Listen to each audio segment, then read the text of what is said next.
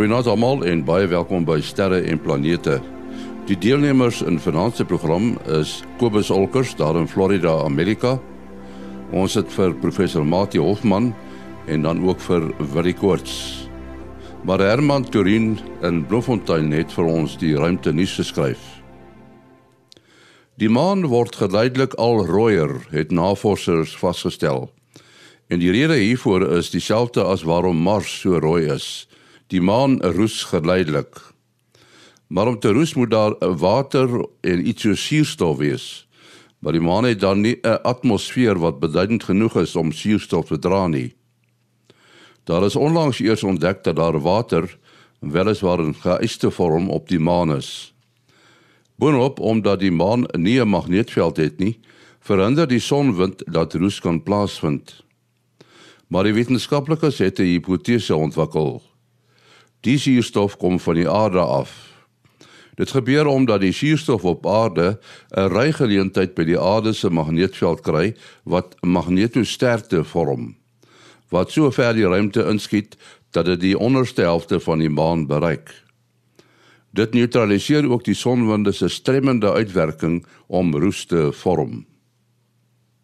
Terwyl groot dele van Europa 12000 jaar gelede deur reuse ysgletsers bedek is, het 'n groep jagterversamelaars die wêreld se oudste tempel bekend by Gobekli Tepe in die suide van die hedendaagse Turkye opgerig. Maar hoe meer van die terrein opgegrawe word, hoe duideliker word dit dat dit nie net as 'n tempel gedien het nie, maar ook ander doeleindes gedien het of juis nie 'n tempel was nie, maar die handewerk van ruimtewesens die tuin van Eden moes gewees het of 'n sterrewag. Samesweringsteorieë is volop. Veral twee teorieë gee aanleiding tot die gedagte dat daar 'n astronomiese verbinding moet wees, naamlik dat dit met die ster Sirius belyn was of dat dit so lank terug was dat die hemelruim intussen verskuif het of dat dit op 'n manier die botsing van 'n komeet aan die einde van die ystydperk simboliseer. Indien Göbekli Tepe nie die oudste astronomiese struktuur sou wees nie, sal die eer in die stadium in Nabta Playa te beurt val. Hierdie struktuur, so wat 1100 km suid van Egipte se groot piramide, is na raming 7000 jaar oud. Tot sover dan 'n ruimtenis. En nou eers vir Lafra Smit wat so 'n bietjie gaan gesels oor wat ons kan sien in hierdie maand September. Goeienaand Henny en goeienaand ook aan al ons luisteraars. Ek praat vanaand met julle hier uit die sterrewag waar ek langs die teleskoop sit en ek moet sê dis regtig 'n pragtige aand en die sterre skitter helder met die Melkweg hier bo my. Nou ja, kom ons kyk gou na September se hoogtepunte. As 'n mens nou vroeg aand so 8:00 se kant saam suid kyk, sal jy die suiderkruis op sy een sy sien lê. Kyk jy oos, dan is Jupiter en Saturnus nog steeds naby mekaar en al redelik hoog in die lug. Mars kom in die omgewing van 9 uur op en is lekker rooi en al net so helder soos Jupiter. Ja, ons kyk ook deesdae met ander oë na Mars met die skielike afsterwe van Dr. Japie van Sail. NASA se nuwe rover Perseverance, asook die helikoptertjie Ingenuity waarvan Dr. Japie gereeld gepraat het, is tans op pad na Mars en gaan in Februarie 2021 by die planeet aankom. Mars is ook volgende maand in oppositie, maar meer daaroor volgende keer. Nou as Mars al lekker hoog sit, kan jy links van hom kyk, met ander woorde in 'n noordoostelike rigting. Kyk dan vir vier sterre wat 'n groot vierkant maak. Dit vorm deel van die konstellasie Pegasus. Nou as jy die regter onderste ster van die vierkant het en jy spring nog twee sterre regs, is jy in die Andromeda konstellasie en ook baie naby aan die Andromeda sterrestelsel, die verste voorwerp wat jy met die blote oog kan sien. Andromeda is 2.5 miljoen ligjaar van die aarde af en sal deur die loop van die volgende maand of 2 al hoe vroeër opkom en teen November al mooi hoog sit vroeg aand.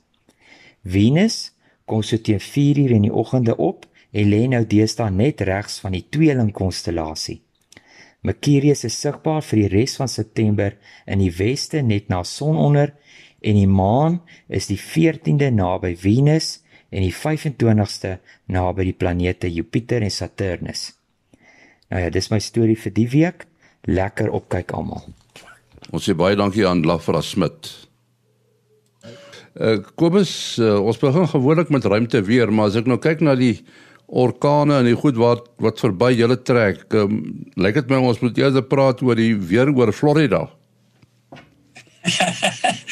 ja, ons het ons het 'n uh, hele klompie uh baie aktiewe weer hier en ek is ek is eintlik half dank Vader bly vir die die mense behoort te te, te weet dat uh orkane is eintlik 'n middel wat uh wat in die skepping is om die van die hitte ontslae te raak uit die see uit. Ehm um, as die see te warm word dan dan ontwikkel hierdie hierdie stelsel bokant hom wat dan dan gaan al die inlig uh hitte wat in die in die water vasgevang is gaan dan op in die orkaan en dan word dit nou spandeer en en uh, so gelykmatig versprei oor die wêreld.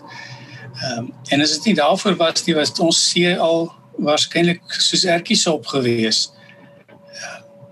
So orkane is 'n goeie ding. Partykeer kom hulle nou maar net 'n uh, bietjie uh, kan ek sê maak hulle baie skade op die op die aarde soos hier by ons rond.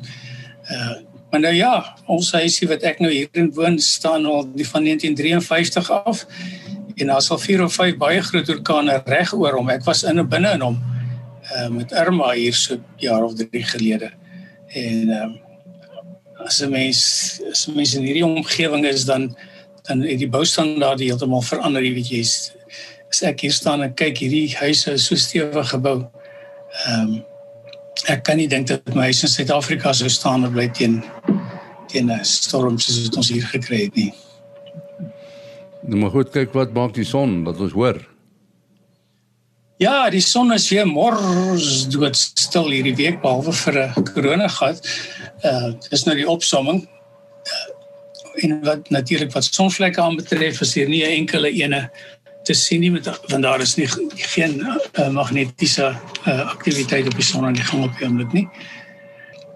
En dan wat korona gat aanbetref, sien ons 'n mooi groot korona kroon korona gat op die noordpool van die son en dan uh 'n redelike komplekse korona gat op die suidpool en hy kom gaan so ver op met so dun streepie van hom uh dat hy ons gaan vir ons gaan tref teen teen môre uh, môre aand se koers. Elemente aan betref neem ek nie enkele ene waar op die son nie so hy is werklik baie stil. Uh ons het so 'n week of 2, 3 gelede begin dink dat die son dalk uit sy uit sy minimum gaan uitkom maar hy is weer mos doodstil op hierdie stadium en nie. Ek wou nou vra Kobus, ons het so 'n paar enkele maande gelede, ek kan nou nie presies onthou nie, uh gesê of kennis geneem dat daar aanduidings is uh weens die manier hoe die sonvlekke uh, uh verskyn dat hy nou deur die minimum is en dit uh, nou duidelik in die volgende wel in die toename van aantal sonvlekke en aktiwiteit gaan wees, maar die feit dat hy nou so stil is, trek dit dan daardie bevinding in twyfel. Nee, kyk, die sonsiklus uh, gebeur oor 'n baie lang tydperk, ten minste die een sonsiklus, die 11 jaar siklus wat eintlik deel is van 'n 22 jaar siklus wat die son sy pole omruil. Maar as jy mens nou kyk na hierdie soort van ding, eh, dis maar soos die aarde se weer, jy weet, dis nou 'n warm somer of 'n koue winter, maar tog kry jy in die winter kry jy af en toe 'n dag wat jy kan uitstap en met jou kortmoue. Die son se weer is maar presies dieselfde.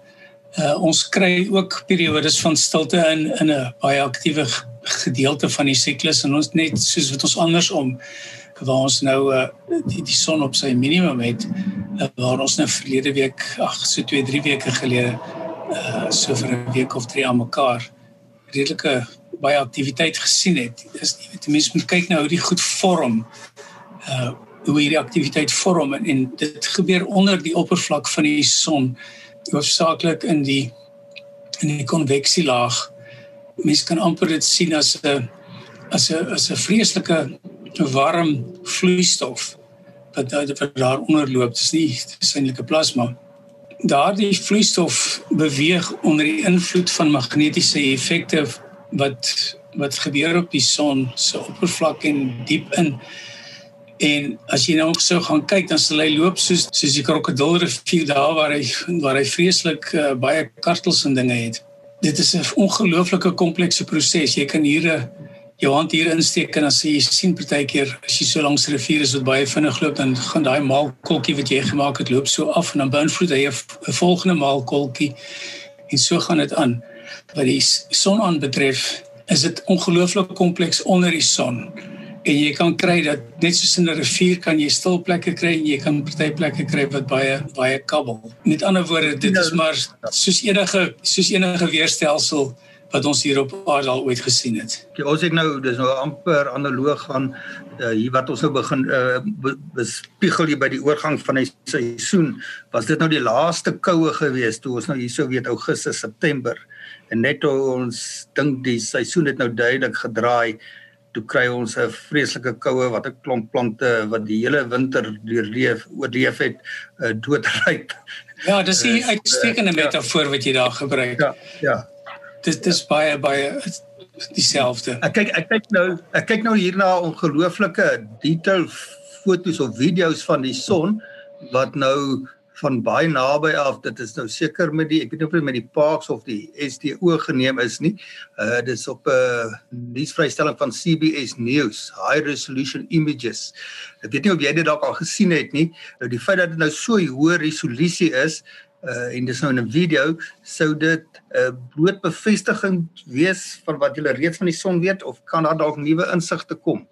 Dat we sien nou hierdie selle in detail verander wat jy nog altyd so na verwys het maar dit is ongelooflik mooi om so te gaan kyk hoe dit uh, hoe dinamies dit is en hoe dit verander. Weet die fyn fyn o, ek, ja ek kan vir jou sê toe ek nog toegang gehad het tot 'n sonteleskoop ek kon vir ure daar sit en kyk dis om in, in 'n vuuring te kyk. Dit verander heeltyd en is aktief en dit gaan aan die gang.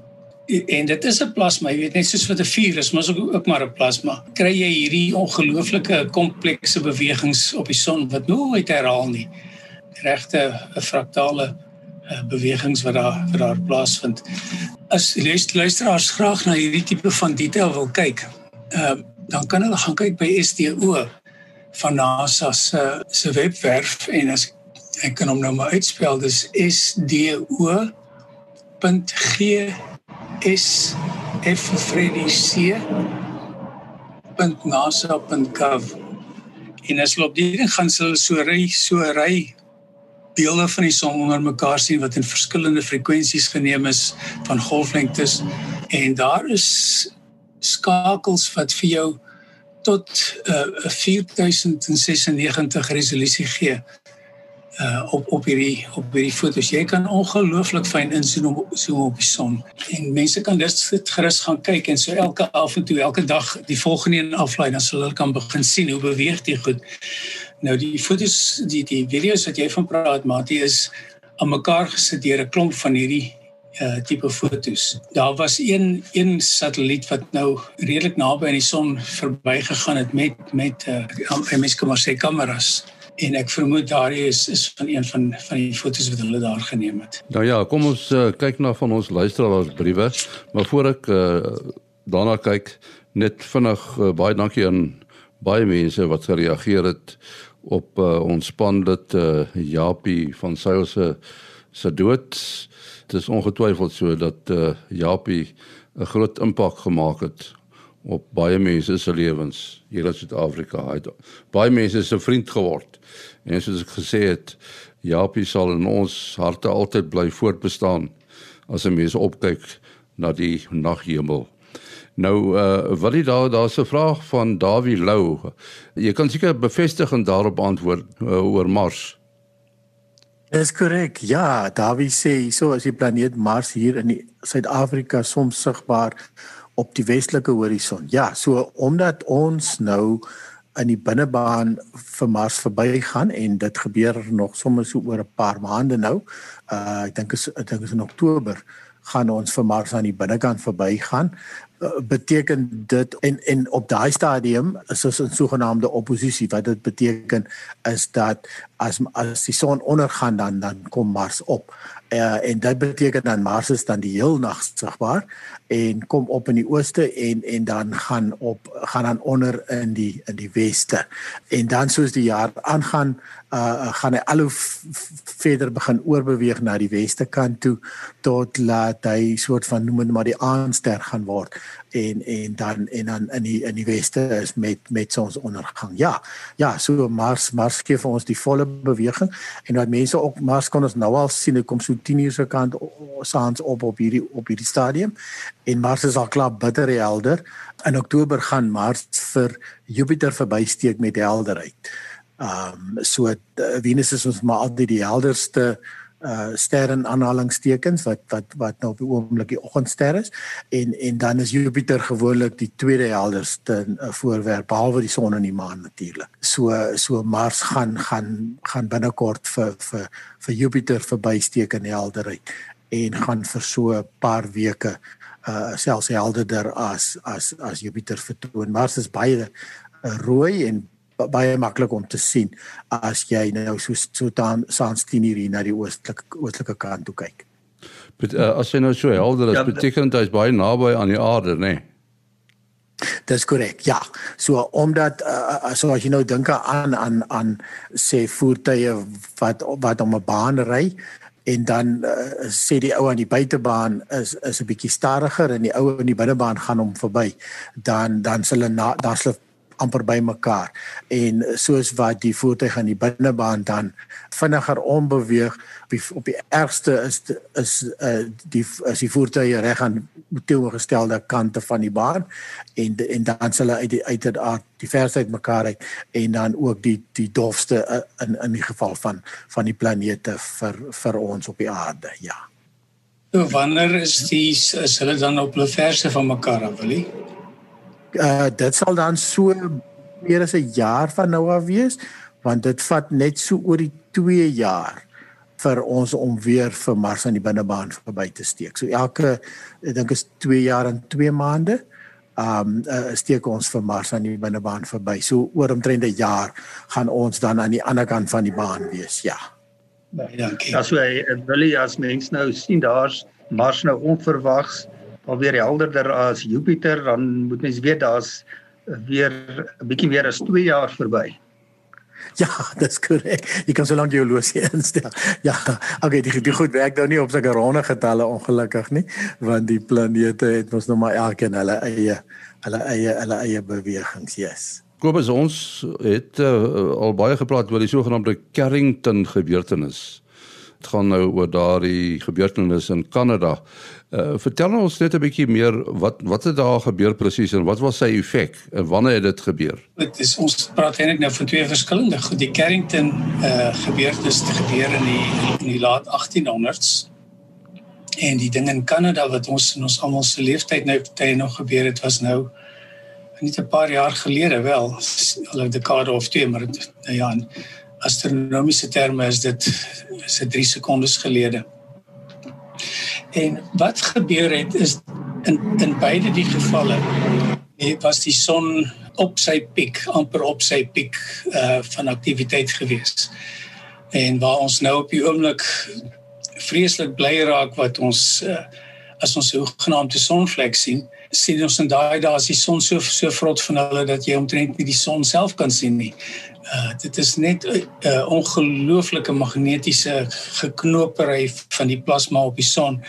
En as hierdie magneetvelde wat nou uh, plasma vervoer so van die van die noordpool na die suidpool of eintlik van die uh, ja, van die noordpool na die suidpool uh, op die son dan begin daar groot spanning opbou as dan nou nog 'n uh, nog 'n magneetpool. So maar ons het 'n sit 'n noordpool en 'n suidpooltjie wat naby mekaar op die son se oppervlak sit. Uh, wat natuurlik van die van diep uit die uh, konveksiesone uitkom. Dan het hy nou 'n rivier van van van energie wat nou hier om hom gaan van die van die noordpool na die suidpool wat is een van hierdie uh, bo like so wat mens baie van van die Amerikaanse I was soos 'n M like. Uh mense sal weet waarvan ek praat. Uh dan partykeer as dan nou sê maar nou nog 'n groot noordpool naby aan die ding op die oppervlak verskyn, dan vervorm hy die pragtige mooi boog wat ons op die oomblik het. En as daar nou nog een kom, sê maar aan die ander kant, dan vervorming hy hom nog meer. En dit is wat ons dan kry wanneer die sonvlekke baie magneties kompleks raak, dan begin hierdie hierdie plasma bo begin dan nou afbreek. Uh, hulle kan nie meer, hulle weet nie meer watter kant toe nie. Hulle wil hulle moet soontoe en soontoe en soontoe en dan breek hulle aan af so aan die een kant en kom hierdie ding nou los. Dan is dit soos 'n wolk van van uh van plasma wat dan nou wegbreek van die son af. En hulle dis baie raar wat dit gebeur dat dat beide kante gelyk afbreek. So hy ruk maar gewoonlik so sien maar aan die linkerkant los en dan ruk die kant op en dan breek hy nou die ander kant van hom wat nog vas was in die son breek op nou af. Nou jy so roterende ding wat honderde duisende kilometers lank is wat dan nou hier na die aarde se kant toe kom. En die oomblik as so 'n bol plasma, dis een van die van die maar een van die natuurwette is die oomblik as so 'n plasma wegkom, wegbreek van die magneetveld waarin hy gevorm is, dan behou hy daai magneetveld binne in hom.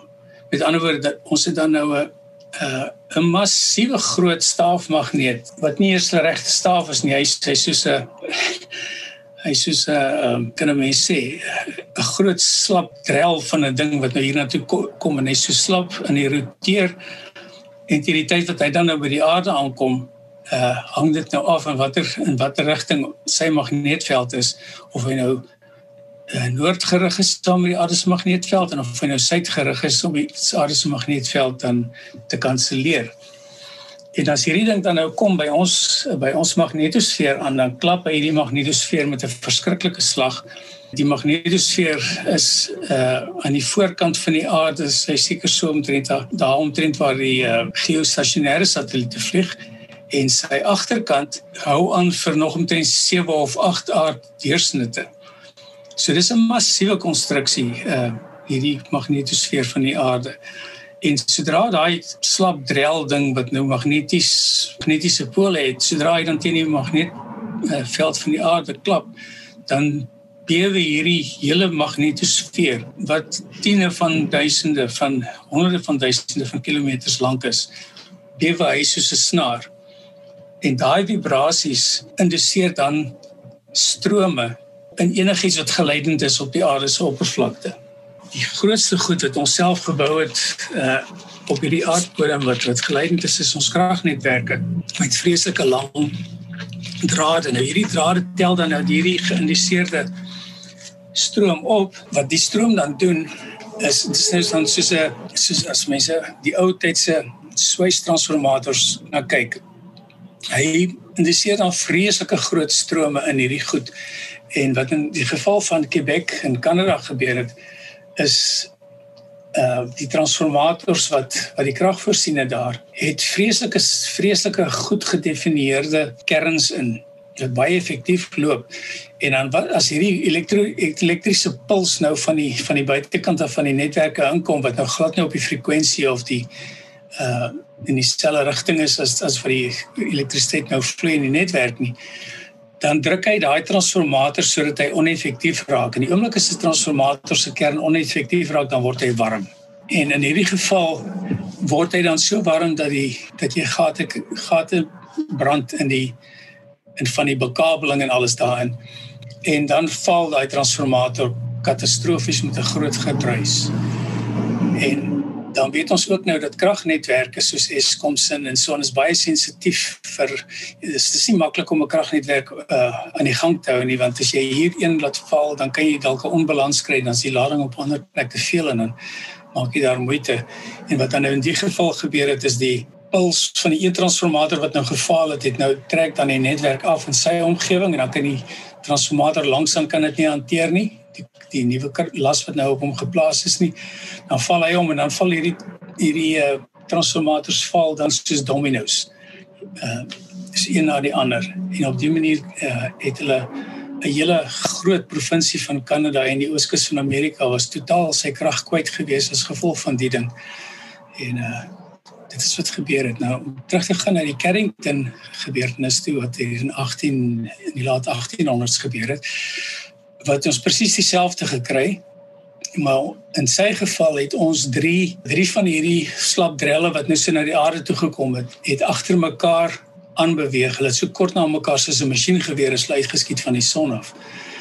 En die eerste een het die aarde getref en wat nou gebeur is mense dink nie altyd daaraan so nie, maar die die ruimte tussen die son en die aarde is nie so leeg as wat 'n mens dink nie. So wat gebeur is as daai eerste een verbykom, dan vee hy nou die pad skoon hy hy kry uh, die atome en die partikels wat daar is maak hom 'n bietjie stadiger. En dan as die tweede as daar 'n tweede een is wat net na hom afgeskiet is, uh dan kan hy baie vinniger loop want die voorste een het nou klaar die pad skoon gemaak en in die geval was daar 3 van hulle. En hulle het hy die uh, aarde se magnetveld 'n vreeslike ewige klap gegee en die strome wat geïndiseer is. Nou kyk in daai dae het ons nog nie transformators of enige soos gehad met die so. Dit was maar plase se se se omheiningdrade en telegraaflyne. Het hy soveel spanning daarin ontwikkel dat daar een kerel doodgeskok is wat gewerk het aan 'n aan 'n plaas ehm um, omheining. En mense wat wat op die telegraaflyne gewerk het, het het geskok geraak as hulle probeer boodskappe stuur en al die soort van dinge. Daar was ongelooflike strome en spannings opgestel in enige stuk draad wat rondgelê het. En nou kan 'n mens dink as die Carrington as 'n ding met die Carrington se vlak weer gebeur, dan gaan ons da, ons ons is so afhanklik van krag en koperdraad en aluminiumdraad wat die wêreld vol gespan is dat daar waarskynlik nie enkele werkende transformator aan die sonkant van die aarde gaan oorwees as so iets ons tref nie. Nou ja, dit is 'n uh, so kort en kragtig wat by die Carrington event was. Gebeurtenis. Ja, en dit is iets wat mense eintlik iets aan kan doen nie, maar dit lyk my ons moet afsluit. Kobus jou besonderhede? Dis Kobus Olkers by gmail.com k o b u s blckeres@gmail.com en ek moet net vir die klomp mense wat nou al vir my goed gestuur het. Ja, ek is 'n dominee. Ek het 5 en 'n half jaar by die kweekskool gestudeer en uh, ek het nie op nou ek is so 2 jaar gelede is ek geordineer. Kan ons by jou hoor, Matie, wat is jou besonderhede? 0836257154. 0836257154. En dan Willie? Dis 0724579208. 0724579208. En dan die program se e-posadres is sterreplanete@gmail.com. sterreplanete@gmail.com. Tot volgende week, alles van die beste.